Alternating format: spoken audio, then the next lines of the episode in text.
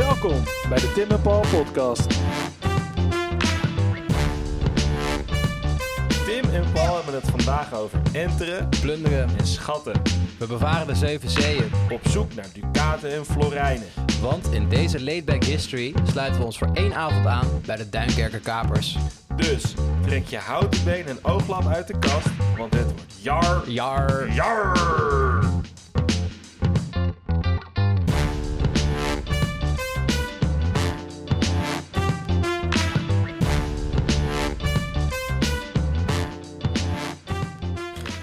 Terwijl Paul het schippersbitter inschenkt, zijn wij weer begonnen aan een nieuwe Laidback History podcast. ja.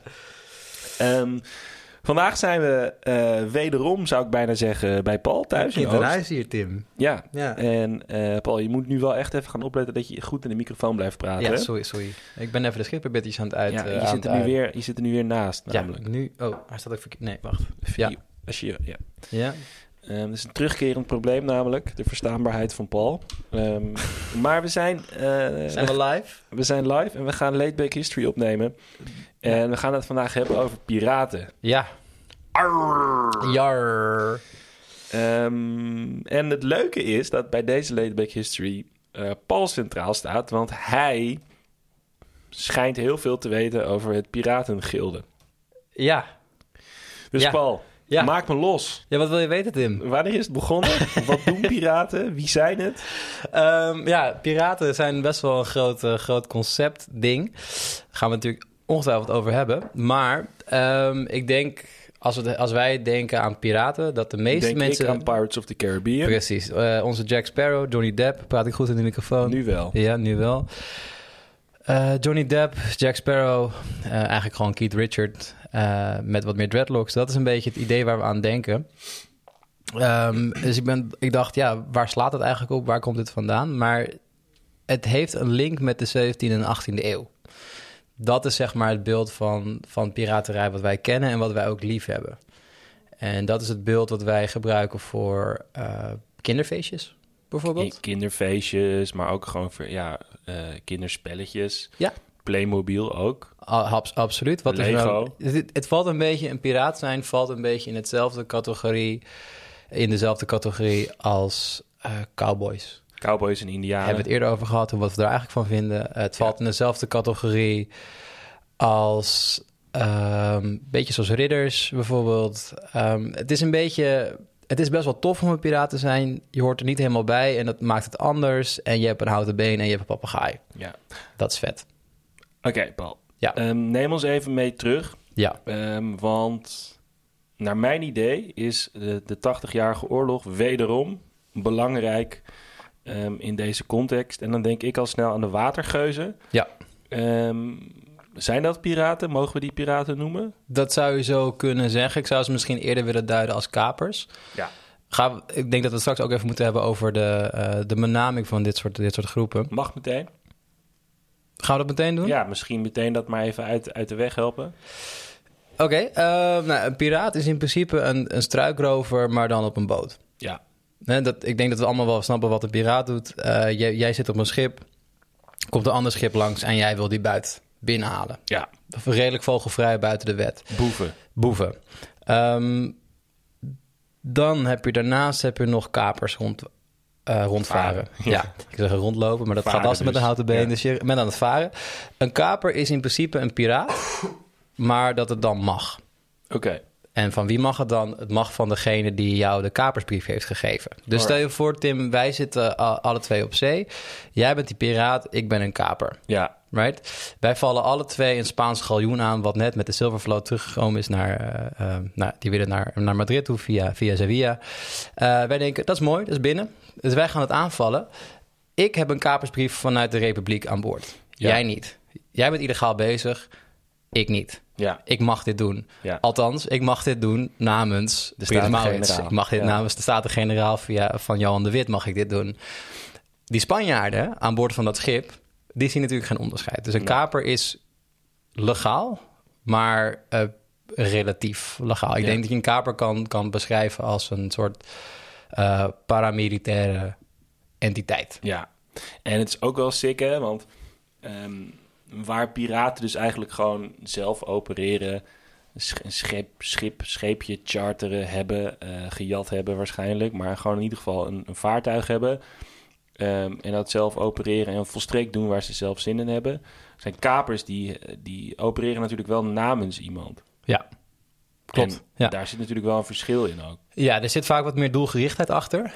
Ehm, maar je zal merken dat dat ook wel vaag is. Net zoals dat, dat andere... De meeste dingen in de geschiedenis zijn natuurlijk niet eh, zwart of wit. Er zit heel veel grijs gebied. En zeker met dit soort obscure dingen... die zich sowieso al een beetje op het grens van... wat vinden we legaal en wat vinden we oké eh, verhandelen... zitten piraten en kapers heel dicht bij elkaar. Het Ja. enige grote verschil is, is dat je dus als piraatje nergens terecht kan komen... als je een veilige haven zoekt. Ja. En als kaper wel.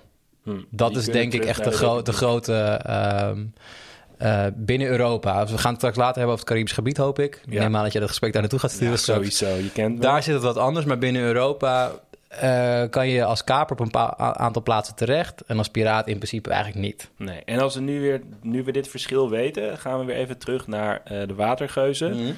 Ehm, want hoe moeten we die dan zien in deze context? Eh, nou, Even misschien voor de, voor de mensen die er niet meteen weten wat watergeuzen zijn.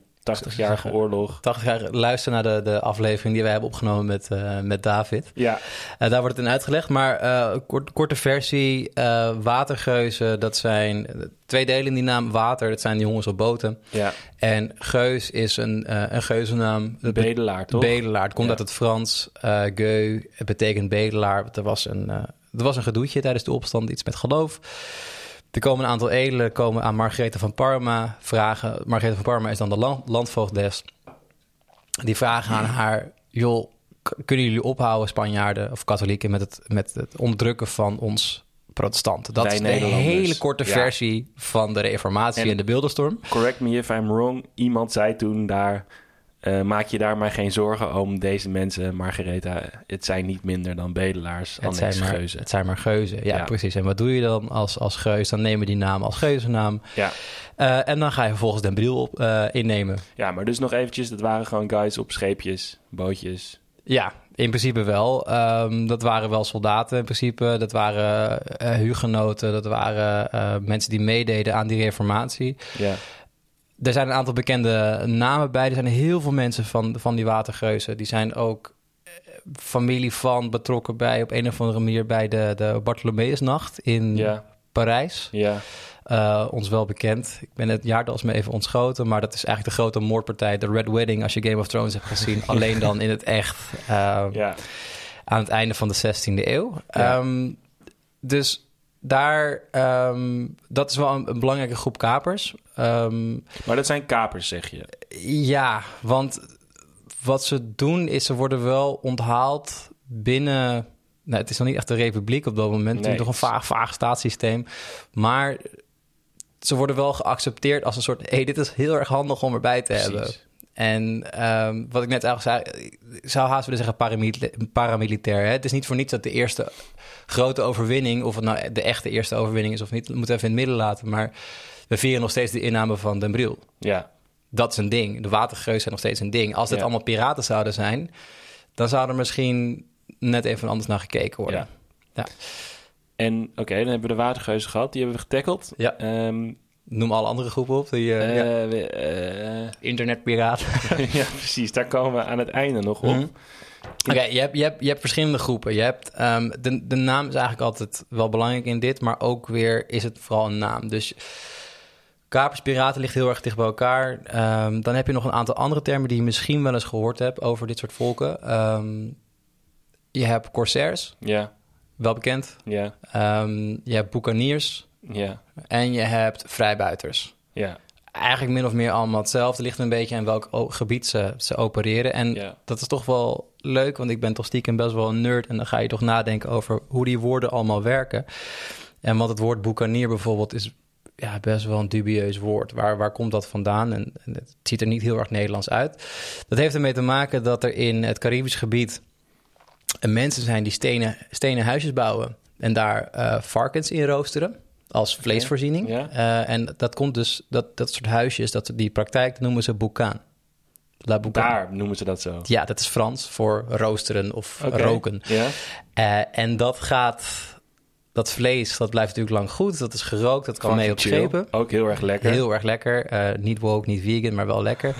En dat gaat mee op die schepen. En langzaam maar zeker wordt dat vlees wat geschonken wordt aan die mensen op die boten zit, wordt verbasterd naar de, naam die die mensen Ja, zelf precies. op die boten Ja. hebben. Ehm, dus dat wordt Boucanier. En dat wordt later als eh, Jamaica wordt overgenomen door de Engelse eh, marine, wordt dat verbasterd weer tot Boucanier. Ja. Dus daar komt dat woord vandaan. En dan heb je nog eh, Vrij buiten. Dat is denk ik vrij logisch. Vrij- Vrije buit. Of... ja, vrij buiten, maar ook je bent vogelvrij verklaard. Oh ja. Dus je kan nergens terecht. Als, Ja. jij, vrij, als jij vrij buiten bent, mogen we met z'n allen, als we jou tegenkomen, mogen we jou iets getten. aandoen. Ja, Ja. precies. Als jij over straat loopt, hey, dat is een vrijbuiter. Kleine anekdote. eh, in Almere buiten, vlakbij waar ik opgroeide, had je een zwembad. Dat heette de vrijbuiter. Dus dat is een term die mijn hele leven terug, terug blijft komen. Ehm, vrijbuiter wordt nog steeds gebruikt trouwens, die naam. Oké. Ehm, niet, in, niet per se in het Nederlands, maar wel in... Het is heel belangrijk in de Amerikaanse politiek. Hm. Want vrijbuiter wordt... Op een gegeven dan in het Engels? daar kom ik zo op. Ik ben Oké. even een narratief aan het Sorry, creëren, Tim. Rustig aan. Ja. Ehm, Ik moet straks ook gewoon dingen doen, Paul. Ja, ik, denk, ik denk, we ronden hem even Ja. af. Maar lange, jongens, we zijn lang van stof. lange halen gauw Ehm, thuis. Ja. Vrijbuitertje wordt in het Frans flibouteur. ja. En dat wordt uiteindelijk in het Engels filibuster. En filibuster zegt jou misschien helemaal niks. Nog Kijk me een beetje glazig aan. Nee, ja. Ehm, filibuster is iemand die in bijvoorbeeld in de Amerikaanse Senaat, als er een wet wordt ingevoegd en je hebt een bepaalde tijdslimiet om op te stemmen, Ja. dan is er iemand die dan heel erg lang gaat praten, zodat die tijdslimiet wordt overschreden. Ah. Daar heb je allerlei regels voor. Het is best een interessant eh, Ja. concept. Maar dat is dus iemand die de boel een beetje aan het verstieren is. Zo zou je het kunnen noemen. Dus dat, die term wordt nog steeds, eh, nog steeds gebruikt. Ehm, dus dat zijn een beetje de termen die je hebt. Corsair, ehm boekanier, kaper, piraat, Ja. vrijbuiter. Ja. Komt op hetzelfde neer. Je zit op een boot, die wil andere boten Ja. overnemen. Alright. Ehm, we hebben het nu ook eventjes gehad al over de, ehm, de, eh, de watergeuzen. Mhm. Maar er zijn, in de, volgens mij in de context van de 80-jarige oorlog... is er nog een hele bekende vrijbuiter, boekanieren, eh, kaperclub. Dat zijn de eh Duinkerkse kapers. Klopt. Die heb je. En Je- ja. wie waren dat? Ehm, je hebt eigenlijk twee belangrijke groepen in de 17e eeuw als het gaat om, om gevaarlijke plekken waar je niet langs wil varen. Ja. Eh, dat zijn de jongens en, en, en dames uiteraard ook in Duinkerken. Ja, En je hebt de mensen op de Noord-Afrikaanse kust. Precies, de De, Barbarijse- Barbarijse kust en de, de, de Algerijnse kapers. Daar gaan we het zo eh, nog over hebben. Die Duinkerkers, ehm, dat is een beetje een vaag verhaal. Want Duinkerken is nu geloof ik Frankrijk, toch?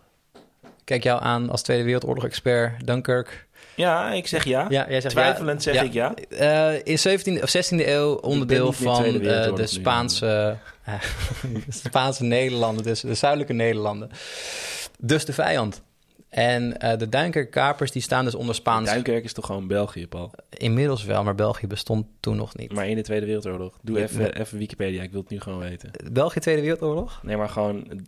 Duinkerk is toch gewoon België? Ik ben, we zijn heel erg aan het sidetracken nu. Dunkirk ook. Dat is toch gewoon België? Tududu. Dunkirk, Tweede Wereldoorlog. Volgens mij. Frankrijk. Frankrijk, Ja. toch? Frankrijk, Ja. oké. Eh, anyway, Duinkerk in de 17e eeuw, 16e eeuw is eh, Spaans-Nederlands. Ja, Ehm, dus de vijand, katholiek, vervelend, eng, via carnaval, dat moeten we allemaal niet hebben. En dat is een fort, st- een st- een st- stadsfort, eh, waar niemand eigenlijk bij ziet te komen. En die kapers die daar zitten, die zijn nogal lastig voor iedereen die door het kanaal wil varen. en dat zijn dus Spaanse... Spa- of schuin zijn... Het zijn in principe zijn het Vlamingen. Wat Precies, we nu als Belgen, Vlamingen zou, het ja. zijn Belgen eh, onder Spaans gezag. Maar dat is vrij breed hoor. Want er is natuurlijk best wel veel migratie. En ook het, het hele, de hele notie van een natiestaat bestaat natuurlijk Tuurlijk, nog helemaal ja. niet. Dus het is, wat, het is wat vrijer dan dat. Maar, Maar wat, wat we, het, is, het is het gebied wat we nu België zouden noemen... en het is wel de lokale bevolking op dat moment die in daar... principe wel. Er komen een paar mensen uit de noordelijke Nederlanden komen daar zich bij aansluiten. En er komen ook mensen uit eh, het zuiden Frankrijk, Spanje komen daar ook wel bij. Eh, maar buiten dat is het vooral eh, Frans, Frans, ja, Spaanstalig, Franstalig eh, België. En die gaan het kanaal blokkeren, vervelend doen bij iedereen die er langskomt. Dus daar hebben een aantal mensen last van. Met name de handelaars in de Republiek en in Engeland is dat een, is dat een groot probleem. En het gekke met die Duinkerker kapers is, er worden een aantal campagnes tegengevoerd. En ze blijven daar maar zitten. Het, is, het blijft zeg maar, dit is een soort van historische constante. Als je ergens last van hebt, dan zijn het waarschijnlijk de Duinkerker kapers. Die, die. Dat is een soort van puist die je niet uitgeknepen krijgt. En om u een voorbeeld te geven... ehm, wat zeg jij als ik zeg 16, eh, slag bij Nieuwpoort? Ik heb het nu verkloot, het knippen er even uit. Wat zeg je 1600 toch? als ik tegen jou zeg slag bij Nieuwpoort? 1600. 1600, precies. De, de befaamde campagne van Maurits. Maurits. Ja, Ja. ehm, waar hij zelf geen zin in had, werd daar naartoe gestuurd door Olde, Olde Barneveld. Lastig, lastig, lastig. Was onderweg. Dat is trouwens ook nog een podcast. Dat gaan we ook nog een keer opnemen. Olde Barneveld. Olde Barneveld en, En, de Maurits. Bestandstwisten. Fucking vet. remonstranten en Ja. contra-remonstranten. Ehm, Maurits was onderweg naar Tuinkerken. Ehm, komt vast bij Nieuwpoort, haalt daar zijn gigantisch briljante ehm, overwinning op de, eh, op de Spaanse pikeniers en op het Spaanse leger daar. Maar die denkt, weet je, de groeten, ik ga niet verder dan dit, want anders word ik afgesneden. Ik ga Duinkerken helemaal niet ontzetten. Maar het feit dat Maurits als prins van Oranje, als generaal van het leger daar naartoe wordt gestuurd, geeft al aan wat het belang is Ja. om die Duinkerkers daar weg is te het dus sig- significant dat er een campagne op poten gezet wordt. Precies, en ook al is het een soort van politiek Ja. spel van Olde Barneveld om... Hè, als Maurits niet meer terugkomt, is dat niet per se heel vervelend. Als hij wel terugkomt, is het eh, eigenlijk helemaal top.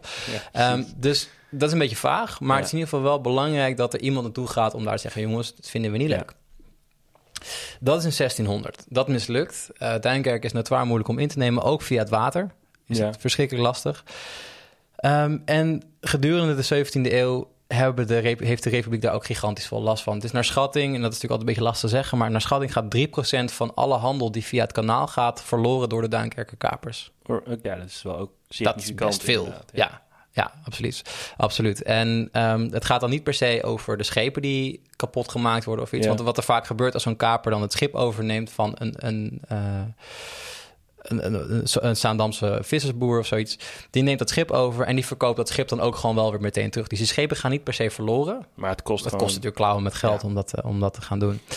Ehm, dus de, de straffen, als je een Duinkerker kaart, die straffen als je gepakt wordt, zijn gigantisch groot. In principe is de regelgeving binnen de Republiek, is als je een overwinning hebt behaald op de Spanjaarden, als je een overwinning hebt behaald op de, de Duinkerkers, eh, zonder genade, allemaal het water in. Oké. Die worden allemaal geëxecuteerd. Daar, Ja. is, daar is, er wordt geen kwartier gegeven, zeg maar. Ja. Dat is nogal lastig in het echt. Want heel veel van die Duinkerkers... die zijn of voormalig ehm, mensen die in de Republiek gewerkt hebben... aan boord van schepen... of mensen die, die eh, aan de andere kant zijn terug. Dus het- dat wisselt nogal vaak. Ook dat is weer een soort van schemergebied. Ja. Dus het is niet zo dat het alleen maar foute jongens zijn... die aan het kapen zijn. Die moeten we allemaal overboord zetten. Dus er zijn heel veel mensen die elkaar ook gewoon kennen... En een soort van vage onderhandelingspositie met elkaar Ja, hebben. precies. Dus ze weten ook, bijvoorbeeld, hè, jij bent eh, Jan Modaal, die we vaak graag noemen in onze, in onze podcast. Shout-out Eh, naar Jan Juan Modaal, Modalo. alle Jan Ja. Modaals van deze wereld. Ehm John Model, ook vet. Juan Modalo. Ehm Joao hebben we net gezegd. Joao Modalo. Ehm, jij bent Jan Modaal en jij zit op een eh, haringbuis. Ja. En het leven voor jou is lastig, het is zwaar, het is vervelend. En Maar je op denkt, zich, hè, ha- haal ik mijn haringkies binnen. Je haalt je, ha- je Ik zeg niet dat je je werk niet goed doet, Tim. dat zeg ik absoluut niet. Maar je leven is wel gewoon... Je hebt ambities. Je wil wat. Ik wil de wereld zien. Precies. En op dat moment wordt jouw haringbuis overgenomen door een Duinkerker kaper. En die zegt, hé, hey, leuk en aardig, maar je kan ook bij ons komen werken. Krijg je dit en dit, dit salaris eh, en dit en dit als bonus. In plaats van dat je elke dag daar haring Staat te kaken. Precies, haring staat te kaken. Ehm, dus natuurlijk ga je die stap maken. Ik Ja. snap het wel dat mensen dat doen. Maar dat betekent dus ook dat het lastig is Op het moment dat, dat jij aan boord zit van dat ding... en je voormalige maatjes van die Precies, al die andere jongens die, die bij jou in de straat wonen, die daar ook staan. Dus het is, een- het is een wat vager eh, concept. En de, de, er staat wel doodstraf op ehm eh, Duinkerker kapers zijn voor de Republiek. De laatste keer dat iemand geëxecuteerd werd door... eh, eh, een Duinkerker werd geëxecuteerd door een eh, Nederlands schip... is door Maarten Tromp, allegedly gedaan. De grote Maarten Tromp. En ehm, die heeft toen ook al die mensen die toen uh, gevangen zijn, heeft hij geëxecuteerd en aan de Ra laten hangen. De Ra is de, de dwarsbalk Ja. bij, uh, bij een van de masten. Um, en die is dus keurig met zijn schip, met al die hangende, bungelende mensen, langs Duinkerken gaan varen. Om even te laten zien van, hé, hey, dit is wat er met jullie is. Even laten zien wie hier de baas is. Precies, ja. Uh, tegelijkertijd is het ook wel zo, dit is natuurlijk een geweldsexces of dit is een, echt een showmanship van dit doen we met, met kapers. Ja. Trump was een vrij harde, uh, harde man daarin. Nog steeds het bevel, zo elke kaper die je tegenkomt, elke Spanjaard die je tegenkomt, executeer je. Um, er is een zeeslag ergens tussen de eilanden van, uh, van, van Zeeland, waar de Republiek een behoorlijke overwinning haalt op de Spanjaarden. Er worden ongeveer duizend Spanjaarden krijgsgevangen genomen. Het orde is dan allemaal executeren. Ja. En Frederik Hendrik, op dat moment stadhouder, die zegt, nou laten we dat maar niet doen, want dat is ook, ja, het is al een beetje grimmig, weet je wel. Ja. Dat, dat gaat ook wel ver. Um, dus die orders zijn er wel, maar in, in de realiteit gaat het vaak wel gewoon... oh, oké, okay, ik koop me wel uit of ik... Ja, uh, precies, dan wordt het wel onderling opgelost. Tenzij toevallig net Witte de Wit of Maarten Tromp tegenkomt... dan ben je de klos. Ja. Anders valt het wel. En als we even een sprongetje maken... Ja. je noemde net um, de, de, dus waar we het net over gehad hebben... de, de kapers van Duikerken. Mhm.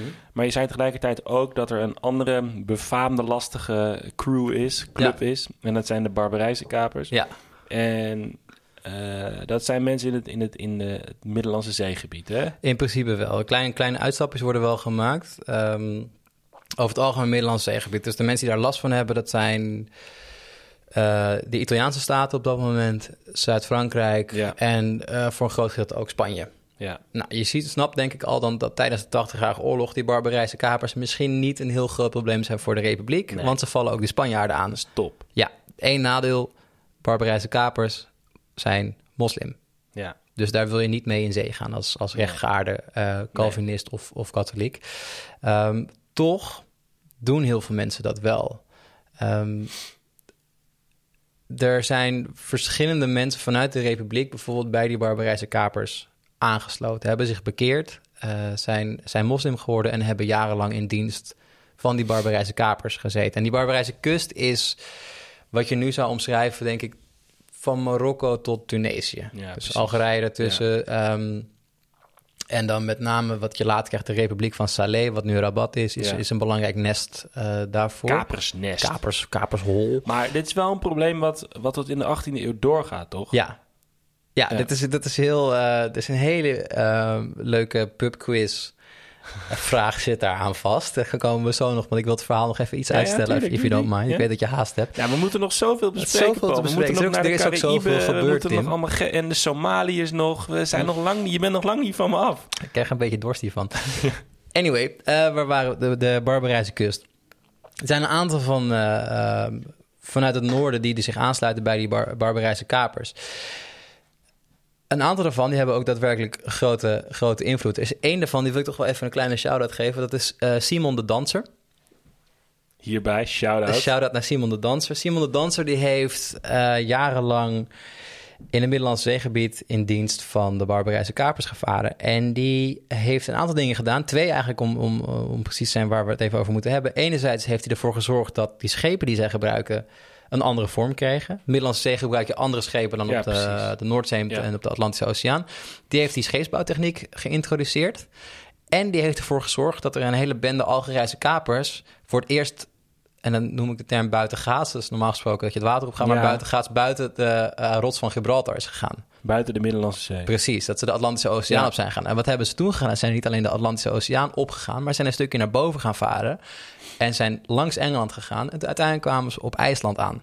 Oké. In 1616 is er een, is er een rooftocht, een razzia. Dat, dat, dat, dat is een term die, die gebruikt wordt, ehm, die uit het Arabisch komt. Die slaat op dit soort, dit soort dingen. Die komen aan op het eiland Westmanure. Ja. Eh, bekend van de gigantische uh, papegaaiduikerskolonies die daar, Vet, die daar zijn. ja. En ook bekend 1616, omdat daar dus Simon uh, de mannen, vrouwen, ja. kinderen werden meegenomen. ehm, en weer teruggebracht werden richting Algerije om daar als uh, slaaf te gaan werken op de roeigaleien. Ja. En dat was een beetje de, het businessmodel van de Barbarijse Ja, kapers. dat wilde ik net zeggen. Ja. Dat, dat is het bekende ding toch, dat, dat ehm, ja, men, zeelieden uit, uit de republiek dan als christenslaaf gemaakt werden door den Turk, toch? Precies, Dat- ja. Je moet altijd oppassen vaak. voor den Turk. En Turk is natuurlijk niet... ehm, wat we nu als Turkije Nee, beschouwen. contemporain taalgebruik voor voor wat daar beneden ongeveer in principe alles ten- rechts en beneden van Wenen. dat, dat is een beetje, weet je, de, de enge buitenwereld. Erasmus schrijft daar een boek over, de, de Turkenkrijg. Ja, Wij moeten eerst de Turk in onszelf verslaan... voordat we de Turk van buitenaf kunnen verslaan en dat soort dingen. ja. Het heeft hij niet daadwerkelijk over de Turk... maar dan heeft hij over het gevaar van de islam op, eh, eh, eh, op de christelijke samenleving. Ehm, en dat is natuurlijk het ding. Het is enerzijds bangmakerij... en het anderzijds is het ook wel legit een probleem... dat, dat als je in het Middellandse Zeegebied aan het werk bent... de kans vrij groot is dat kom je deze mensen tegen. wordt. En dan, Ja. er zijn ook echt wel heel veel mensen... eh, die we met naam en toenaam kennen... die, die als roei... eh, als, als galeislaaf hebben gewerkt Ja. op een roeiboot of op een, eh, op een Nou, sloep. gewerkt is een beetje eufemistisch. Gedwongen zijn. Gedwongen zijn te werken. Ja, ik zeg ook dat slaafgemaakt en gedwongen te, te, wer- te werk zijn. Ehm, daar zijn er een aantal, aantal voorbeelden van. Ja. Ehm, en dat is natuurlijk een heel groot probleem. Het is wel vaak ook zo, als je een beetje status hebt en vooral geld, dan kan je jezelf ook wel weer loskopen. Ja, tuurlijk. Het is natuurlijk allemaal- dat is. Het gaat allemaal om geld uiteindelijk. Het hele, hele ding met natuurlijk piraterij en, en, Ja. en, en kapers is natuurlijk, wat is het verdienmodel? En verdien je meer geld dan iemand als hij eh, jouw schip gaat roeien? Of verdien je, terwijl als jij bijvoorbeeld eh, Tim Heer van Streefkerk bent en je hebt toevallig een grote zak geld bij je, Ja, dan verdien ik veel meer geld jou om jou los te kopen. precies. Ja. Maar alsnog is hun businessmodel vooral mensen tot slaaf maken. En ehm, Michiel de Ruiter heeft er later ook nog een paar voor bevrijd. En heeft ook een standbeeld voor gekregen in Hongarije en zo. Het is allemaal heel vaag. ja. Ehm, maar dat ding is natuurlijk ding. wel dat zeg maar ehm, het, het beeld in de Republiek misschien ook wel grimmiger was of sterker was dan hoe, hoe het daadwerkelijk was. Weet je, als het een soort van doemscenario is dat daar allemaal mensen tot slaaf gemaakt Ja. worden. En Sowieso, is natuurlijk het beeld... en dat heeft niet zoveel meer te maken met piraterij... maar gewoon met algemeen mensbeeld in de 17e eeuw. Alles wat, wat, wat islamitisch is, is heel erg eng. sowieso. kut. Sowieso. Ja. Ehm, en alles wat Spaans is, is ook al heel erg eng. Ook slecht. Ja, dus je, je bent zeg maar dubbel whammy als je naar beneden gaat. Dan daar is het warm en dat is eng. Ja. En daar, daar wil je niet terechtkomen. En af en toe moet je daar wel heen omdat je nou bij de marine werkt. Of, en Precies. eh, ja. weet je wel, dat is natuurlijk gewoon volks, volksgeloof. Ehm, maar het is ook best wel eng. Omdat, omdat als ik het zo lees wat er allemaal gebeurd is. Niet En, relaxed. nee, het is niet, niet heel fijn. En zo'n zo'n zo'n jongen als ehm, Simon de Dans... en ik zeg jongen, want hij was best jong toen hij daarheen ging. Hij was op zijn... Moet ik even nadenken, maar op zijn dertigste, onze leeftijd... was hij daar het honcho van zijn eh, kapersgedeelte. Ja. Van zijn deelvloot. Ehm, zijn bijnaam, in het Arabisch kan ik het niet uitspreken... maar de Engelse vertaling er wel is Captain Crazy. nou ja, weet je, daar ga je. Ja. Weet je, als je Tel niet je tegenkomt... winst of verlies dus. Ja. Precies, ja. Dus die Barberijs Gappers, ehm, dat blijft een groot probleem tot aan, wat je net zegt, nou, de 18e eeuw. Ja. En nu komen we uit het pubquiz-vraag. ja.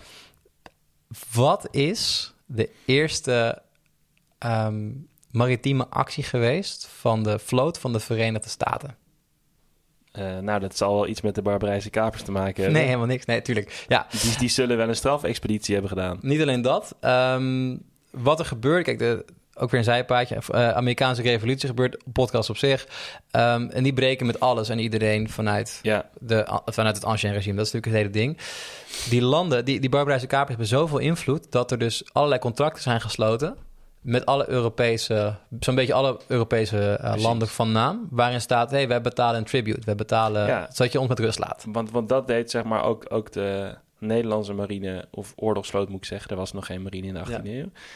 Ehm, maar die gingen toch gewoon één keer in de zoveel tijd op gezette tijden op expeditie. Brachten ze wat cadeautjes aan Ja. de sultans en dingetjes. En dan gingen ze weer weg en dan was het allemaal weer best. was het prima en dan vallen we weer een jaar Ja. niet last. Het is een beetje een maffia-praktijk wat, Ja. ze, wat ze doen, weet je wel.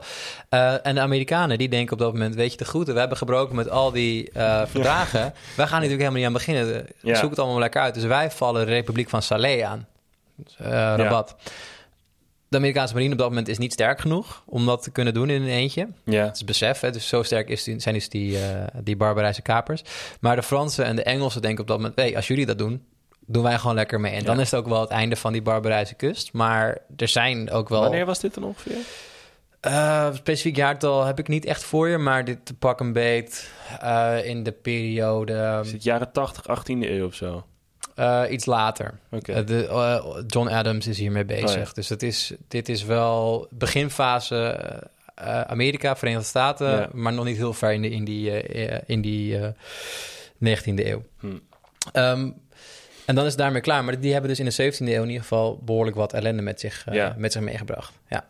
Alright, vet. Ja. Ehm, laten we dan weer even teruggaan naar kapers uit Nederland Mhm. en piraten. Ehm, het is al ter sprake gekomen in de podcast over, of misschien, ik weet niet wat de volgorde gaat zijn dat we dit allemaal gaan uploaden. Maar ehm, voordat we dit opnamen hebben we het ook gehad, wij zelf met iemand anders, over de West-Indische Compagnie. Ja. En het, het veroveren van de zilvervloot. Maar dat veroveren van die zilvervloot was, was ook volgens mij een van de grote kaperacties, toch? In de Republiek. Dat, ik zou haast kunnen zeggen dat dat de grootste kaperactie is geweest. Ja, Ehm, ja, de Silvervloot hebben we het met, eh, met Joris van der Tol of al over gehad, of daar gaan we het nog over hebben. Ligt een beetje aan wat, uit, wat ons eh, uitzendingspatroon is. Ehm, de Silvervloot is een van die dingen die, die ons ook eh, in het geheugen geschreven staan. En dat is best een belangrijke. Want ook weer kort samenvattend, niet het gras voor de voeten van Joris wegmaaien, maar ehm, de WIC gaat niet zo heel erg lekker en ze hebben geld nodig. Wat doen ze? Ze sturen een kapersloot. Kijk, een kapersloot is omdat ze zo paramilitair zijn, je hebt niet echt structurele onderhoudskosten. Je hebt mensen op een schip, je hebt een, je hebt een soldij voor die mensen. Ehm, en het is vooral ook als maar je. dat is een eigen onderneming. Het is een, je bent een Het is soort van ZZP'er. Het een soort van eigen kapers-BV'tje. Ja. En, en dat schip is een soort van eigen entiteit. Ja, En of zij nou, eh, ik sla hem even plat hoor, maar of zij nou suiker gaan kopen in noem eens iets en dat naar de Republiek brengen, of ze gaan eh, of vissen op haring in- op, de, op de Noordzee. Het zijn misschien wel andere scheeptypes, scheepstypes, maar in principe ehm, is, is dat schip een eigen wereld, een eigen entiteit, een Ja. eigen bedrijf. En dat zij nu die kapersbrief krijgen, maakt hen tot kaper. Ja. Maar ze hadden net zo goed iets anders kunnen gaan doen. precies. Ja. En nu is het wel zo dat in het geval van de, de, de, de vangst van de Silvervloot en in het geval van Piet Hein was dat wel echt doelbewust. Er zijn twee vloten worden gestuurd. Eentje gaat naar Brazilië toe en eentje gaat richting Cuba toe. Die Silvervloot die komt, ehm, die komt uit twee plekken. Die Ja. komt over land via Panama en die komt ehm, en die gaat dan richting wat nu Colombia is via Cartagena gaan ze dan richting eh, Cuba. En dan komt een andere vanuit Mexico. En die komt ook op Cuba. En vanaf Cuba varen ze samen richting, eh, richting Spanje. Ehm, als Piet Hein daar aankomt, dan is die vloot die over land gaat, dus via Panama, dat, de, de landvloot, zeg maar, de landzilvervloot, die is al gewaarschuwd. Die vinden ergens op het strand vinden ze een Nederlands sprekende scheepsjongen en die denken, ai caramba, dit moeten we niet hebben. We blijven hier in de haven liggen. Heel slim idee. Ja. Heel goed. Die andere zilvervloot, die weet het ook, maar die weten niet zo goed wat er gebeurt. En er is ook tegelijkertijd een orkaan. En Vet. dat is heel vervelend, Ja. want die komen uiteindelijk ergens in de buurt van Florida terecht. En daar ligt een... Er, er komt een bark voorbij. En een, bar- een bark is een scheepstype. Scheepstype, ehm, met informatie vanuit Florida dat Piet Hein er aankomt voor die Spaanse zilvervloot. Als je het nog Ja, volgt. Oké. Die vloot, of die bark, die komt min of meer tegen het schip van Witte de Wit aan. Nederlandse guy. Ja, Ehm, die denkt, hey, dit is handig, want we hebben nu wat first-hand information... dat die Silvervloot ook nog in de buurt... En dat is het grote probleem met de Silvervloot. Iedereen weet dat hij er is. ja, maar niemand weet waar Niemand natuurlijk. weet precies waar die is. En ze hebben een heel groot systeem met roulatie, et cetera. Op een gegeven moment gaan ze ook via de andere kant, via Chili. En dan komt er net een Nederlandse vloot twee dagen te laat aan. Weet je wel, dat soort dingen. Ja. Het is allemaal net even lastig. Kijk, schepen zijn groot, maar een oceaan is nog 10.000 keer groter. Ja, Dus het is moeilijk om die te vinden. Ze komen uiteindelijk, eh, die landvloot die blijft liggen, maar die, die andere vloot die komt aan. Eh, en die is totaal verwilderd vanwege die orkaan. En die hebben wel in de gaten, oké, Piet Hein is erbij en het is allemaal wel spannend. Maar er gebeurt niet echt wat of zo. En min of meer per toeval komen ze elkaar tegen. En min of meer, ik wil niet zeggen per toeval, maar die vloot wordt ook zonder slag of stoot echt genomen. genomen. Ja. En dat is helemaal dubieus hoe dat gebeurd is. Want het zijn allemaal zwaar bewapende schepen. eh, Ja. In konvooi. eh, mensen die weten ook wel echt wel wat er, op, eh, wat er met jou gebeurt als jij van jouw post, post vertrekt. Maar dat gaat vrij makkelijk. En ik weet niet of het helemaal waar is, maar naar schatting zijn er precies aan Nederlandse zijde nul mensen omgekomen bij deze actie. Oké. En aan Spaanse zijde ook niet. Ja, En dat is best dubieus. Ehm, er zijn overigens... wel dat er nog iemand overboord Er wordt flikkert wel, of ja, zo. precies. Weet je wel. Er zijn, we ook zeggen, in die hele tocht zijn er wel ongeveer 150 à 200 mensen omgekomen vanwege scheurbuik en dat soort, Ja, dat soort ellende. Maar hè, dat hoort er, dan bij. Tijdens die actie niet. En wat Piet Hein dan ook doet, en Piet Hein is. Er is natuurlijk heel veel discussie over mensen die, eh, 17e eeuw, wat moet je er allemaal van vinden en zo. Piet Hein heeft een aantal keer bewezen dat hij denkt, oh goh, dat is best sympathiek. Hij laat al die Spanjaarden die, die ze tegenkomen, laat hij gaan. Sterker nog, hij stuurt ze, hey, je moet die kant op eh, naar Havana. Ja. Spaans, veilig. Ja. Dat doet hij niet in het Nederlands. Dat hij zegt, vamos, Havana, izquierda. Vamos, vamos a la playa. ja, hij spreekt namelijk vloeiend Spaans. Oké. Hij heeft namelijk gevangen gezeten in dat gebied. Hij spreekt vloeiend Spaans, hij stuurt de jongens weg. En ehm, is de grote held natuurlijk. Ja. Want hij heeft omgerekend, dat was 11 miljoen gulden ongeveer. eh, omgerekend naar vandaag de dag ook weer tricky. Kom je uit op een half miljard, 500 miljoen euro. Hè, die die eh, zes punten wedstrijd. Waar we het net even over hadden, van ja, je bent, je bent gewoon iemand met een kaapsbier van boord. Dit, dit was een zwaar uitgeruste vloot om dat, dit soort dingen te gaan doen. Dit was een van de manieren voor de West-Indische Compagnie om geld te verdienen met kaapvaart. Aan boord, je had Piet Hein, ik heb Witte de Wit net genoemd, en je had ook Joost van Trappen-Blankert. Dat zijn zeg maar de, de, de grote drie, de, de Gurrit Rijkaard en Van Basten van het anti-Spanje gedrag van de Republiek op dat moment. Ja. Zeg maar, Het anti-Spanje klon- conglomeraat. ja, eh, Witte de Wit en, en eh, Van Trappen Blankert zijn nog best jong op dat moment. Zijn een beetje- 26 à 30 op dat De moment. Frenkie en Matthijs. Precies, de Ja. volgende generatie. Piet Hein is al goed, eh, goed Hoe, bezig. laten, hoe zullen we hem noemen? Huh? Hoe, hoe zullen we hem noemen dan? Clarence Virgil? Seedorf. Virgil, ja. ja. Ehm, dat, dat zegt wel wat, zeg maar. Tenminste, later worden die jongens... Hè, een van de bijnamen van Joost van Trappen Blankert... is de gezel van de Spanjaarden. Dus dat is, daar zit een, echt een Ja. behoorlijk anti-Spaans sentiment achter. Dus ze deden dat niet alleen maar voor hun eigen gewin. Daar zat wel echt Nee. wel wat, wat bij. Die vloot komt terug. Voordat ze terug zijn... komen ze bij eh Land's End. Dat ligt bij Cornwall eh, Ja. aan, de, aan de Engelse kust. Daar blijven ze even wachten, want ze moeten nog... Even een kleine throwback. Ze moeten nog langs het kanaal. En wie Shout-out naar die Duinkerkse die Duinkerkers, kapers. jongen, die Duinkerkers zijn Spaans. Ja. Dus die denken, hé, hey, onze vloot gejat. Ja. Daar moeten we wat tegen doen. Wisten zij dat wel? Ja, want een konvooi vaart langzamer dan een adviesjacht. Een Ja. adviesjacht dat gaat natuurlijk als een speer die oceaan over. En eh, Dus het nieuws was al in het nieuws was in principe al. De Spanjaarden wisten het eerder dan, de, dan, de- dan in de Republiek. En ehm, wie komt ze te hulp? Jan Evertsen. Van de Jan Evertsenstraat. Van de Jan Evertsenstraat. Eh, moet ik het even goed zeggen? Het is Johan Evertsen officieel. Zeeuwse admiraal. Die komt... eh, Maar is, is dat dan wel dezelfde Jan Evertsenstraat of Dat niet? vind ik een hele lastige vraag, Tim. Volgens mij wel. Oké, Eh, want hij Wikipedia? eh, eh, ja, maar je, wil nog... je hulplijn inzetten? Ik wil hem hulp aan. Er is nog een andere Everts, en dat is Cornelis. En die heeft niet zo heel veel gepresteerd. Ehm, dat is namelijk een van die gasten... Dat was de admiraal bij... Oh, dat was Adriaan Evertsen. Bij Loofstoft. Ander verhaal. Maar die straat is er niet. Jan Evertsenstraat. Nee, dus is, is het de Johan Evertsenstraat? Het is Jo- Johan Evert. Het maakt niet uit hoe die straat heet. Ja, maar ik wil weten van die straat. of die Jan, Jan Evertsenstraat, of die naar deze guides is vernoemd. Eh, straat Amsterdam. Wiki. Ja, dat is Jan Evertsenstraat hier. Eh, vernoemd naar Johan Evertsen, 1600, 1666. Super logisch. Heel logisch, Jan ja. Evertsen Het Johan was een Evertsen. hele rare sidetrack. Anyway, eh vlakbij Mercatorplein, fantastisch cartograaf. Anyway, Jan Evertsen We gaan het niet over de MacArthur-projectie gaan we het niet meer doen, nee. Ehm Jan Evertsen komt met zijn vloot, vecht zich door de Duinkerke kapers heen om eh, de boel te begroeten daar. En die neemt ze mee terug. En uiteindelijk komen ze bij Goes, komen ze de Republiek binnen. Dan volgt er een soort zegentocht, want het, nieuws gaat natuurlijk sneller dan die, eh, eh, dan die vloot. En ehm, ja, Piet Hein, voor al zijn kwaliteiten als kaper, kapitein, admiraal, hoe je hem ook wil noemen, is hij ook een beetje een soort.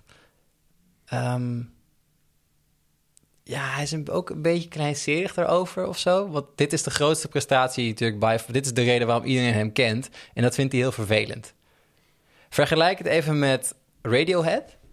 Ja. Ehm, Oasis. Oasis, Wonderwall. die nooit meer Wonderwall willen spelen. Precies, Of, ja. of Radiohead die nooit meer Creep wil spelen... omdat ze eigenlijk veel verder zijn dan dat, weet Ja. je wel? En Piet Hein die zegt eigenlijk... er staat op een gegeven moment staan ze bij het stadhuis in Leiden... en staat er een gigantische menigte voor zijn neus... en zegt hij tegen de burgemeester...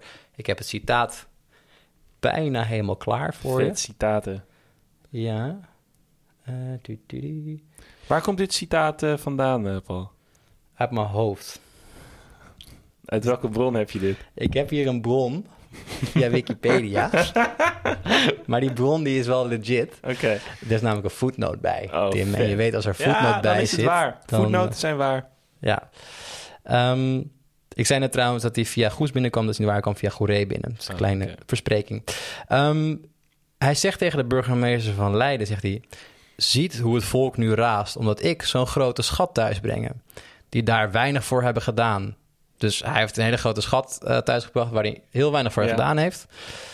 Ehm, en de tevoren als ik daarvoor hadden gevochten... en de verder groter daden gedaan had als deze... en heeft men zich nauwelijks aan mij gekeerd. Dus met andere woorden, ik heb vroeger veel harder gevochten... en daar heb ik veel minder respect gedaan. voor gekregen... Ja. dan voor deze actie. Weet je wel? Dit is een soort van een... Ik ben een, ik ben een V- WIC eh, kaper corporate sell-out geworden. Ja. Ehm, ja, lang kan hij er niet van genieten.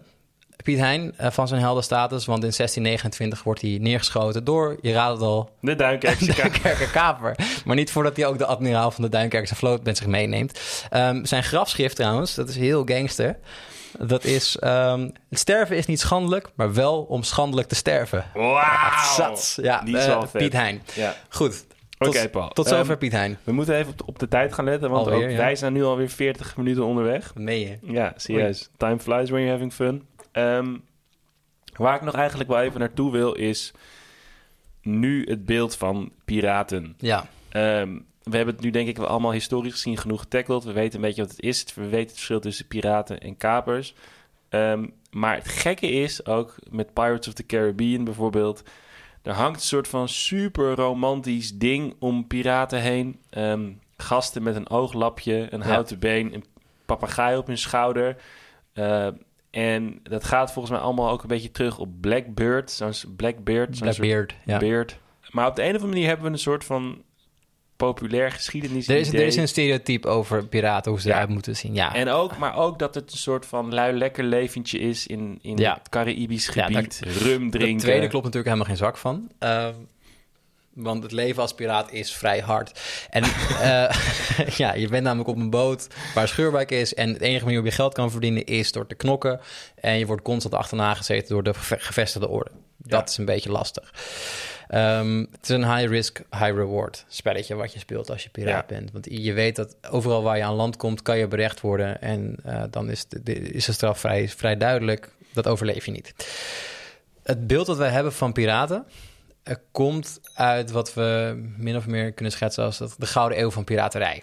En het is wel vaker als we dingen een gouden eeuw noemen, dat het niet per se een eeuw is en niet per se goud is. En dat is in dit geval ook zo.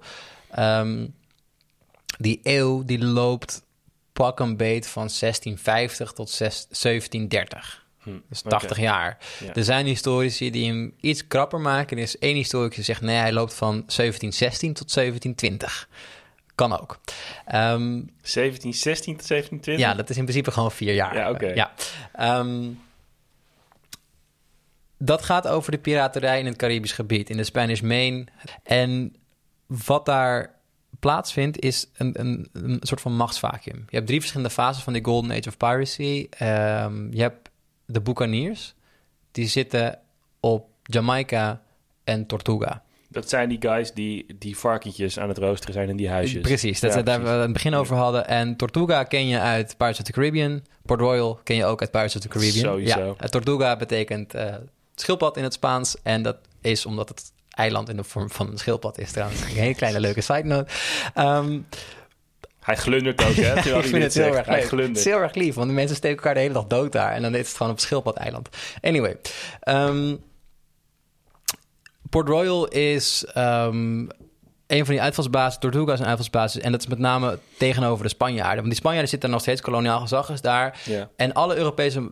Dat is een beetje een constant in de geschiedenis. Je hebt last van de Duinkerker kapers. Maar iedereen heeft ook een hekel aan de Spanjaarden. Dat is een beetje een soort van het ding. Ja. Weet je wel? Ehm, dus het is voor de Engelsen bijvoorbeeld niet zo erg... dat daar wat kapers slash piraten slash boekaniers in Port Royal zitten... die af en toe een Spanjaard kapen. Ja. Dat is niet zo erg. Ehm, op een gegeven moment merk je dat het gezag gaat verschuiven, omdat bijvoorbeeld de Engelsen daar de hele boel gaan overnemen of de Fransen de boel gaan overnemen. En dan zie je dus een aantal verschuivingen. En ook omdat er bij Port Royal op een gegeven moment eind 18e eeuw, uh, sorry, eind uh, 17e eeuw, is er een uh, vrij grote aardbeving. Dus van Port Royal nu is heel weinig van Oh ja. over. De hoofdstad van Jamaica is niet Port Royal, maar het is nu Kingston natuurlijk. Ligt er iets verderop. Dus die mensen moeten wat anders gaan doen. En die gaan uiteindelijk gaan ze um, zich vestigen op Nassau.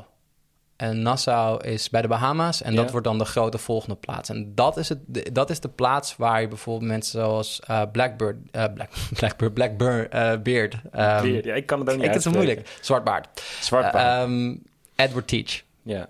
Zo heet hij. Zo, daar, gaan ze, daar gaan ze zitten. En er zijn nog een aantal andere van die hele bekende figuren. En dat is het stereotype van piraat. We hebben, um, Blackbeard is niet per se de meest succesvolle piraat Mm. aller tijden. Daar kan je zeggen dat is Black Bart, uh, Bartholomew bijvoorbeeld. Die heeft daar aanzienlijk meer geld op verdiend. Henry Morgan is een andere goed, uh, Ja. goed voorbeeld van. Henry Morgan is ook een piraat die er levend van afkomt. En uh, uiteindelijk gouverneur van Jamaica wordt, bijvoorbeeld. Dit is de Henry Morgan die van de Captain Morgan Rum Precies, is, ja. bijvoorbeeld. Ja. Um, dus dat wordt een soort vrijstaat voor, uh, voor piraterij en kaapvaart. En die willen zich ook op een soort van democratie... Democratie vind ik niet, niet echt het gepaste, gepaste woord... maar wel een bepaalde codes of agreement of articles of agreement Ja. baseren ze zich. En dat zijn eigenlijk gewoon variaties op de gedragscodes aan boord van een schip. Ja. Alleen dan op politiek gezien, zeg maar. Dus je, daar zijn er niet heel veel meer van over. Maar de, er waren heel veel gedragscodes die je moest tekenen... als je aan boord van, van, een, uh, van een piratenschip kwam of een kaperschip. Daar zit niet zo heel veel verschil in. Of je uh, bij een kaper tekenen of bij een piraat tekenen. Maar er zijn gewoon gedragscodes. Kan je er een paar noemen? Uh, niet uit mijn hoofd, maar trouwens wel eentje uit mijn hoofd. Eentje van uh, Black Bartholomew, die ik net noemde. Artikel nummer 4 is... Uh, om acht uur s'avonds moeten de kaarsen uit. Want iedereen moet gaan slapen. um, moet toch een beetje scherp zijn. Ja, nee, toch? absoluut. En als je dan uh, herres wil maken... je wil gaan kaarten en je wil gaan rum Ja. gaan drinken... dat mag, maar dan moet je op het dek zijn. Oh ja, en niet kan dus de, bemanning. stukken. Het, zijn heel veel, het gaat vooral over hoe je je buit moet verdelen. De kapitein krijgt twee delen van de buit. Een kwartiermeester krijgt er één. Een schipper krijgt... Weet je wel, zo wordt het verdeeld. Um, er is nog een andere, vind ik ook wel leuk. Als je een vrouw mee aan boord van het schip neemt... om Ja. daar onzedelijke dingen mee te doen... dan krijg je zelf de doodstraf. Uh, als jij je wapens niet goed op orde hebt... Uh, als je lafaard bent tijdens een vechtpartij of tijdens een, een, een uh, engagement, dan word je op een eiland achtergelaten. En dat ken je wel. Je wordt op een eiland achtergelaten met een fles rum, een pistool, een zakje buskruid en één kogel. Ja. Nou, als die fles rum op is, dan, dan weet je al hoe laat het is, zeg maar. Ja. Uh, dat soort dingen zitten, daar, zitten daarin. En het grappige bij aan boord van zo'n piratenschip is dat er zo'n kapitein moet verkozen worden. Ja. En dat maakt het totaal anders dan wat er bij de WIC, VOC of bij de marine gebeurt bijvoorbeeld. Het is Ja. een ap aparte hiërarchie die daar uh, regeert. En ik wil niet de term democratie gebruiken, want het is in principe geen Nee, democratie. natuurlijk niet. Maar, het is Maar wel- er wordt wel wat meer instemming. En bijvoorbeeld ja. um, muiterij en desertie, wat totaal gigantische levensgevaarlijke straffen met zich meebrengt aan boord van een marineschip, is aan boord van een piraatschip niet zo'n groot probleem. Want je bent ZZP'er, dus je kan ook weer weggaan als je het niet bevalt. Ja. Weet je wel? Er is een regel um, dat je tot aan de duizend pond die je verdiend hebt, moet je niet zo klagen en daarna mag je gewoon gaan. Ja. Dat is een beetje het ding. En je tekent ook voor uh, je, uh, no pray, no pay noemen ze dat. Dat is bij Henry Morgan bijvoorbeeld aan boord van het schip. Daar teken je voor dat als je geen buit maakt, heb je ook geen geld. Ja. En je weet dus waar je instapt als je, je zit met z'n allen in hetzelfde schuitje als je dit gaat doen. En dat er buiten is, is, is een soort van gemeenschappelijk doel, toch? Dat Ja, bedoel je? dus ja. De, de onderlinge, de, de samenhang tussen zo'n bemanning, als ze een, een schip tegenkomen, is ook we gaan groot. Getten, Want we, gaan, we gaan, jongens, dit is ons moment om geld te pakken. Dus dan Ja. zijn ze gemotiveerd en gedisciplineerd. Over het algemeen, voor de rest aan boord van het schip, is dat niet per se zo. Ja.